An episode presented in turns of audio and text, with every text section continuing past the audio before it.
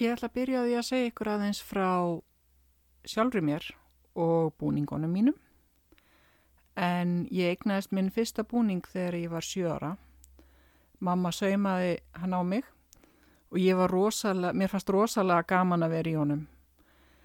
Eh, þegar ég var 17 ára þá saumaði hann á mig 20. aldar búning sem ég á enn. Eh, maður er alltaf fín þegar maður er í íslenskum þjóðbúning og maður á alltaf sparföld. Það er nefnilega, það er svo gaman að maður getur fengið sér nýja svundu eða nýja blússu og þá er maður bara búin að breyta búningnum svo mikið og svona poppan upp.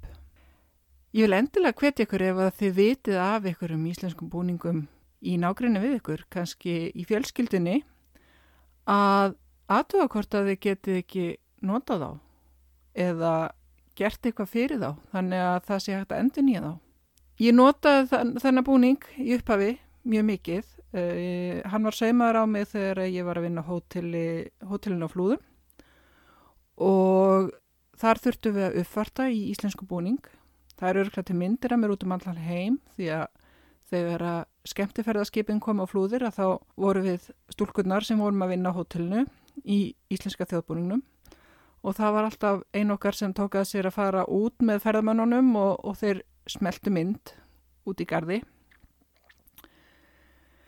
Nú þegar ég var 18 ára þá fór ég sem skiptinemi út til bandaríkjana og þá tók ég upplutin, upplutin með mér. Það var, ég átti nú ekki vonaði að ég myndi nota hann mikið þar en annað kom nú á daginn. Ég fór mjög oft í hann og helt fyrirlestra um Ísland og íslenska búningin, þennan sem ég var í, 20. aldar búning.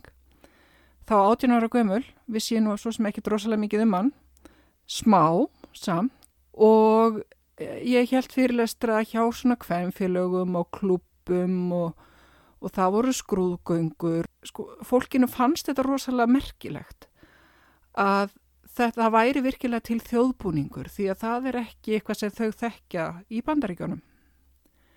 Ég hef notað búningin við útskriftina frá mentaskólanum á laugavatni þegar börni mín útskrifuðust, þegar börni mín voru skýrð og þannig fram eftir göttunum. Áhugin á handavinnu vaknaði mjög snemma.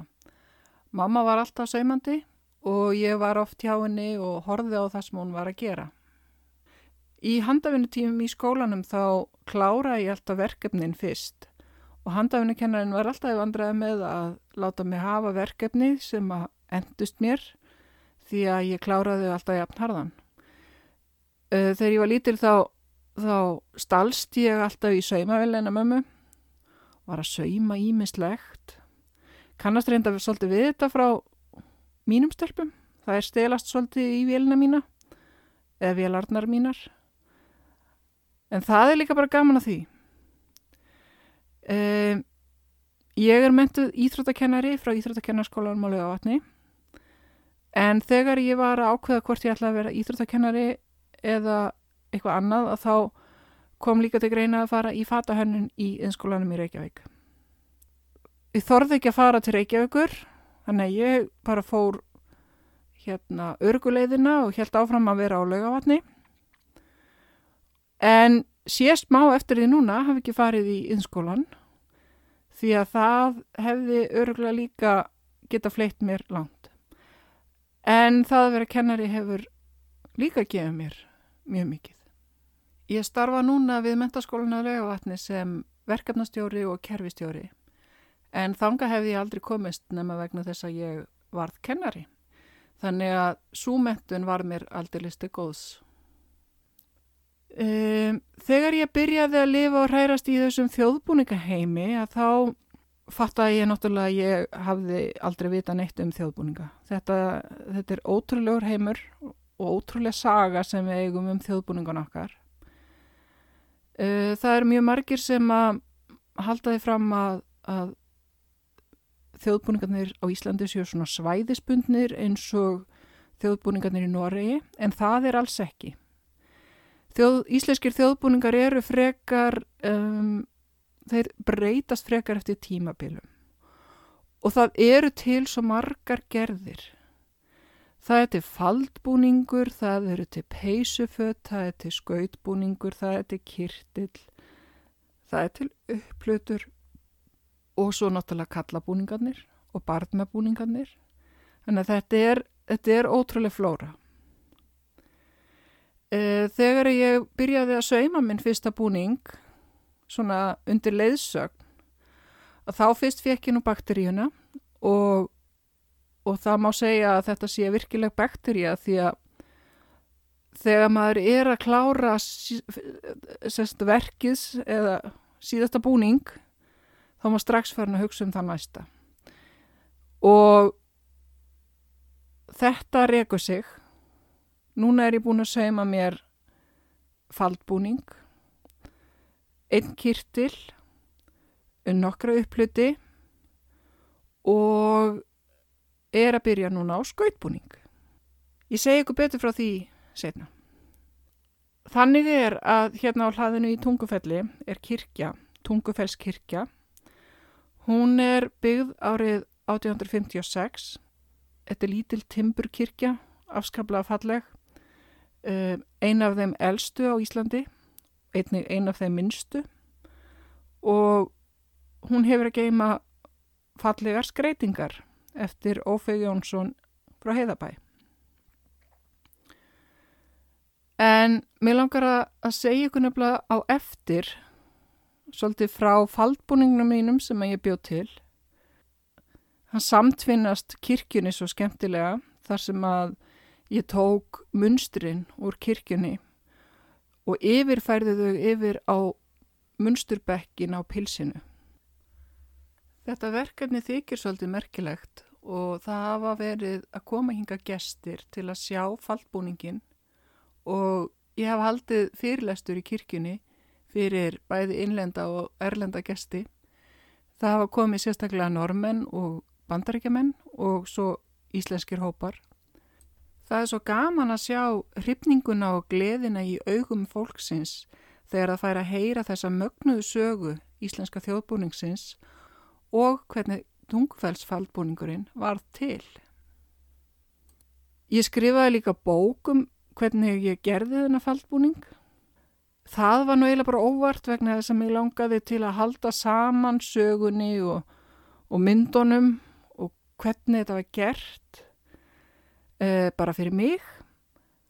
En svo þegar ég var nú búin að vinna bókina svolítið að þá kom ég ljósa það höfðu bara fleiri áhuga á að lesa um þetta þannig að ég ger, ger bókina eh, bókina prentu hjá svona lítili svona sjálfsútgáfu prentun og hún er til sölu hjá mér. Um, Mér langar líka svolítið til að gera aðra bók svona í sveipu um stíl um alla búningana mína.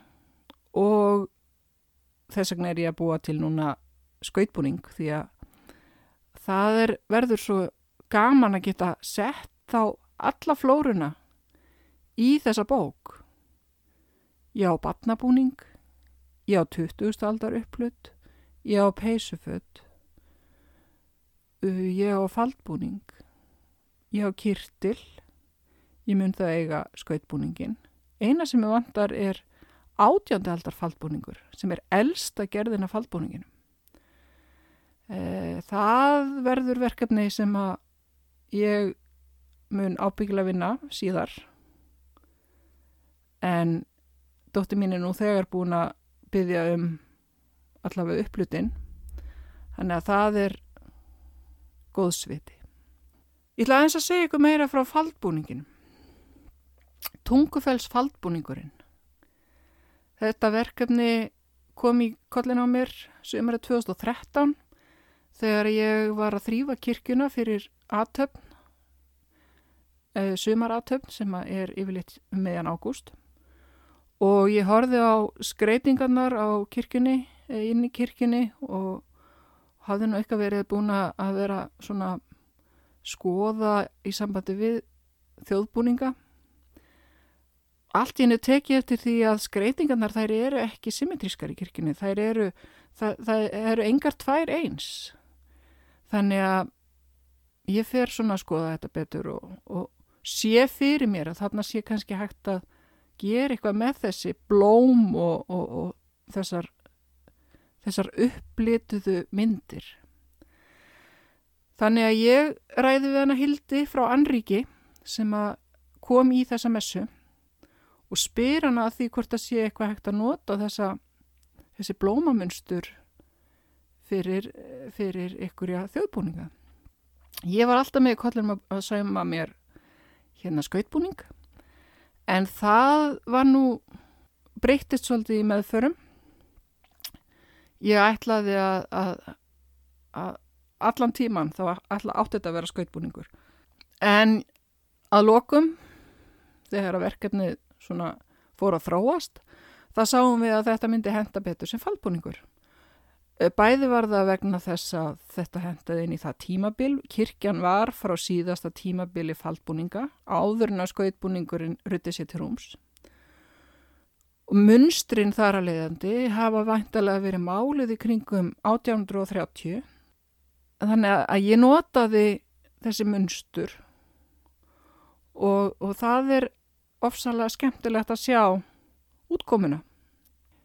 Um, ég vil benda ykkur á heimasíðana mína, tungufell.net.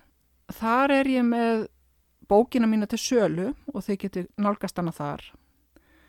Og þar getið sé til dæmis á forsíðinni og, og myndir af búningnum og innan úr kirkini. En ég ætla að láta þetta gott heita í byli í dag. Takk fyrir.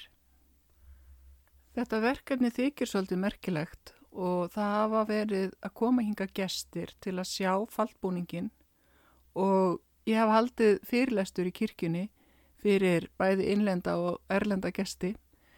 Það hafa komið sérstaklega normenn og bandaríkjaman og svo íslenskir hópar.